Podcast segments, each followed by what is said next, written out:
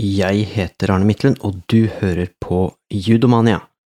Hver sommer lager jeg eh, litt kortere podkastepisoder, men til gjengjeld så er det episoder som fokuserer på et bestemt tema.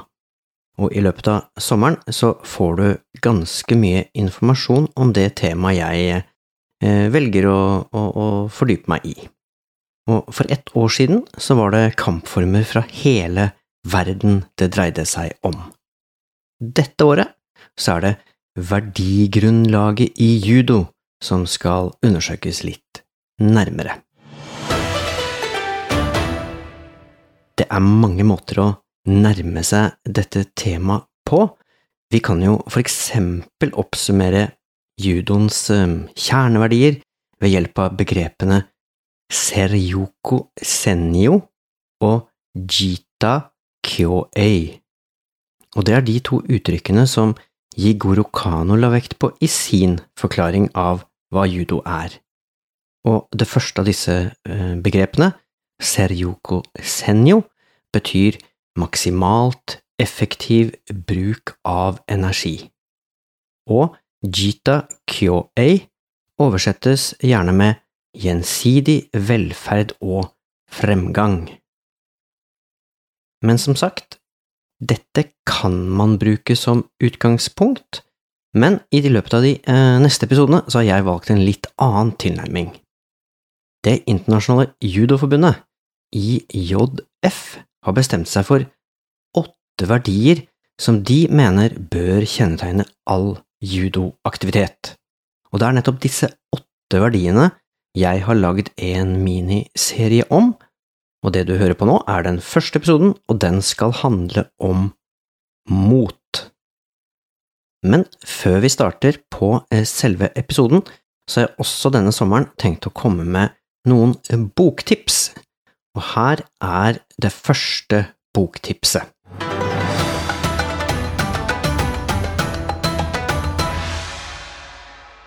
Three Budo Masters er absolutt verdt litt eh, hylleplass, fordi den rett og slett inneholder spennende informasjon om Jigoro Kano. I tillegg så kan du lese om Gishin Funakoshi, som var grunnleggeren av eh, karate, og Morihei Ueshiba, som var grunnleggeren av aikido. Boka er en lettlest og informativ liten sak, og den går på ingen måte i dybden når det gjelder biografisk informasjon, men fordi den omtaler ikke bare én, men tre av de mest kjente kampkunstnerne og grunnleggerne av hver sin eh, veldig kjente kampform fra Japan, så er det jo ganske fascinerende lesestoff. Three Budo Masters er ikke ment for de av dere som er opptatt av bilder og illustrasjoner. Det er noen få bilder her, men det er først og fremst en eh, tekstbok og ikke en sånn illustrert coffee table-bok. Vil du eh, lese mer om denne boka eller andre bøker, så finner du flere bokomtaler på judomania.no. Men nå går vi over til dagens tema, som er mot. Å utvise mot eller være modig kan handle om både små og store valg. Det må ikke nødvendigvis være de største og mest banebrytende utfordringene som gir deg anledning til å vise mot. For eksempel så kan det være modig å spørre noen som er større og sterkere enn deg, om å gå en treningskamp eller randori, som vi kaller det i judo. Et annet eksempel fra judotreningene handler om å tørre å falle. Øv mye på fallteknikk, og bli så god til å falle at du ikke er redd for å bli kastet i matta, uansett hvem du går kamp mot eller trener sammen med. Det er jo ikke sjelden man kan kjenne på egne grenser på en judotrening, men det at man likevel møter opp, stiller opp, er til stede, går den ubehagelige kampen, krever at man kjenner sine egne grenser, og at man er modig. Man vurderer alt sammen og så kommer man fram til en måte man kan takle situasjonen på. Det er heller ikke sånn at man på død og liv må vinne enhver kamp på trening, og det er lov å være usikker i en konkurranse.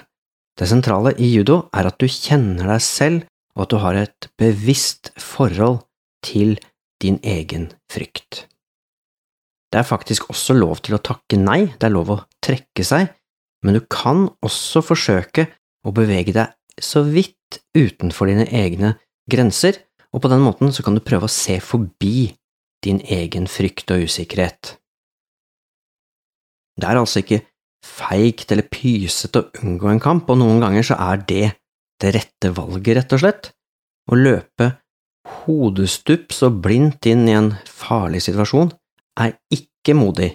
Det handler ikke om mot, men kanskje mer om dumdristighet, og det å ta hodeløse sjanser er altså ikke et tegn på at du er modig. Selvsagt så finnes det eh, mer krevende situasjoner enn en judokamp på en treningsøkt eller en kamp i en konkurranse man kan stå overfor, både når det gjelder fysiske og mentale trusler og utfordringer, men ofte så koker det her ned til å gjøre det som er riktig, eller å forsøke å gjøre det som er riktig, i enhver situasjon. Ifølge konfusiansk tankegang som selvsagt har vært viktig i Japan opp gjennom historien, så vil det være mangel på mot om man forstår hva som er riktig, men likevel ikke gjør det som kreves. Og hvis vi tar eh, sjansen på en liten omskriving av denne måten å forholde seg til mot på, så blir den positive oppfordringen da mot er å gjøre det som er riktig. Mot forholder seg også til frykt og usikkerhet, og dette kan jo framstå som ulikt hos ulike personer. Det som er skummelt for deg, er ikke nødvendigvis det for meg, og motsatt. Mot forholder seg heller ikke til det å lykkes, egentlig, det handler mest om det å våge. Og det fins mange ord og uttrykk som tar for seg det å våge å feile, og mange toppidrettsutøvere snakker faktisk om at man må våge å vinne, og med det så mener de at man må vise mot, tørre å risikere å gjøre feil for å kunne prestere så godt at man til slutt kanskje vinner. I judosammenheng så kan vi godt si at mot handler om et eh, fysisk og et mentalt aspekt.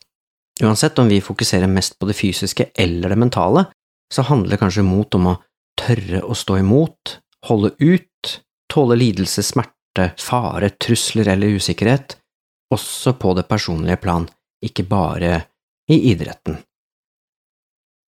Og vi som har eh, levd en stund, kan godt si at eh, denne typen følelser og hendelser er en naturlig del av livet, og at de rammer de aller fleste av oss en eller annen gang i en eller annen sammenheng. Frykten for det ukjente er en helt normal og vanlig følelse for de fleste av oss. Og det er også viktig å vite at det er normalt å reagere ulikt på utfordringer. Ikke alle har de samme forutsetningene og de samme erfaringene for å kunne takle og forstå og tåle eller å forholde seg til ulike problemer. Mot og frykt henger altså sammen, men mot handler ikke kun om å kontrollere frykten.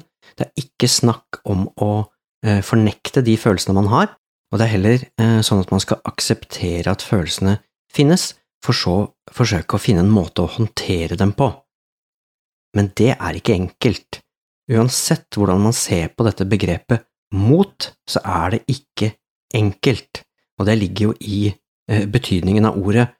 For at man skal kunne være modig, så må det være et eller annet som oppleves som farlig eller vanskelig til stede og den amerikanske borgerrettsaktivisten Maya Angelo sa det på den måten her. Uten mot kan vi ikke gjennomføre noen annen dyd med stødighet og varighet. Vi kan ikke være snille, sanne, barmhjertige, rause eller ærlige. Og det er kanskje sant?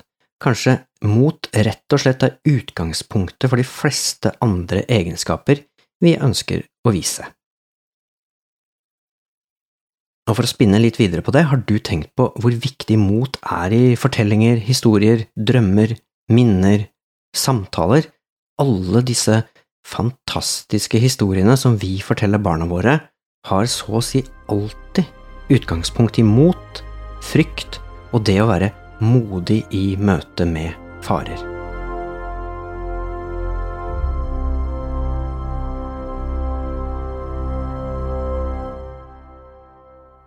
Jeg syns også det kan være litt eh, spennende å se hva filosofien sier, og både Sokrates, Platon og Aristoteles var opptatt av mot. Og før Sokrates så, så man på mot som ett av to konsepter. Den ene formen for mot handlet om motet til den aristokratiske soldaten som var inspirert av de greske gudene Akilles, Hektor eller Diomedes. Og den andre måten å eh, tenke på mot handlet om å se på motet til de soldatene som sto helt i front mot fiendens linjer. Og det var det. Sokrates mener at dette er litt for snevert, og han vil gjerne at mot også skal forstås som noe som har å gjøre med sjelens utholdenhet. Men det kan også se ut som Sokrates kobler mot opp mot det å kontrollere frykt, men at han mener at mot handler om noe mer enn kun selvkontroll. Det må ligge en eller annen slags form for visdom og intelligens bak motet. Sokrates er også opptatt av at mot måles opp mot personlige grenser og idealer som ikke kan krysses, og de idealene han tenker på, er ikke universelle, men noe som hver enkelt må finne ut av, så å si hver eneste dag. Hva er det som er verdt å frykte, og hva er det som er verdt å våge. Og den eh, tankeprosessen må man altså eh, være innom daglig, ifølge Sokrates. I sitt mest kjente verk Staten diskuterer Platon mot i forhold til sjelens tre deler, fordi Platon mener nemlig at sjelen er inndelt i fornuft, vilje og begjær. Og både i et eh, godt menneske og i en god stat så må det være balanse mellom disse tre delene, og Platon definerer mot som eh, dyden eller den styrende egenskapen til det som har med vilje å gjøre, og mot er en sentral eh, dyd eller eh, egenskap for både enkeltindivider og for eh, storsamfunnet. Ifølge Platon så vil en innsikt og forståelse av dette bidra til et godt liv og han så for seg at hvis du har sann kunnskap om hva som er klokt, hva som er rettferdig, og hva som er modig, så vil det føre til et godt og lykkelig liv. Hvis vi drar oss videre til den tredje store kjente greske filosofen, Aristoteles, så er han opptatt av at motet ligger midt imellom frykt og selvtillit. Og for å sitere Aristoteles i Den nikomakiske etikk, bok nummer tre, kapittel seks, så står det La oss begynne med motet. Vi har allerede gjort det klart at motet representerer middelveien når det gjelder frykt og selvtillit. Så han eh, mener da at eh, når det gjelder mot, så ligger det på en skala midt imellom feighet og selvutslettelse. Og nå vet jeg at disse ordene høres ganske sterke ut, men Aristoteles, eh, har jeg fått inntrykk av iallfall, forsøker å sette opp tydelige betegnelser og merkelapper på de egenskapene han eh, omtaler. Og videre forklarer Aristoteles at når en feig person står overfor en fare, så flykter vedkommende, men når den selvutslettende personen står overfor en fare, så stuper vedkommende hodeløst inn i den farlige situasjonen uten overveielser. Han mener også at den fryktløse og overmodige egentlig er en skrythals, og at en eh, sånn person egentlig kun etterligner den modige. Og For å sitere samme bok som i stad, eh, i kapittel syv, eh, det forrige sitatet var kapittel seks, nå har vi kommet til kapittel syv, der eh, skriver Aristoteles både den feige, den overmodige og den modige forholder seg altså til disse ting, men forskjellen består i hvordan de forholder seg til dem.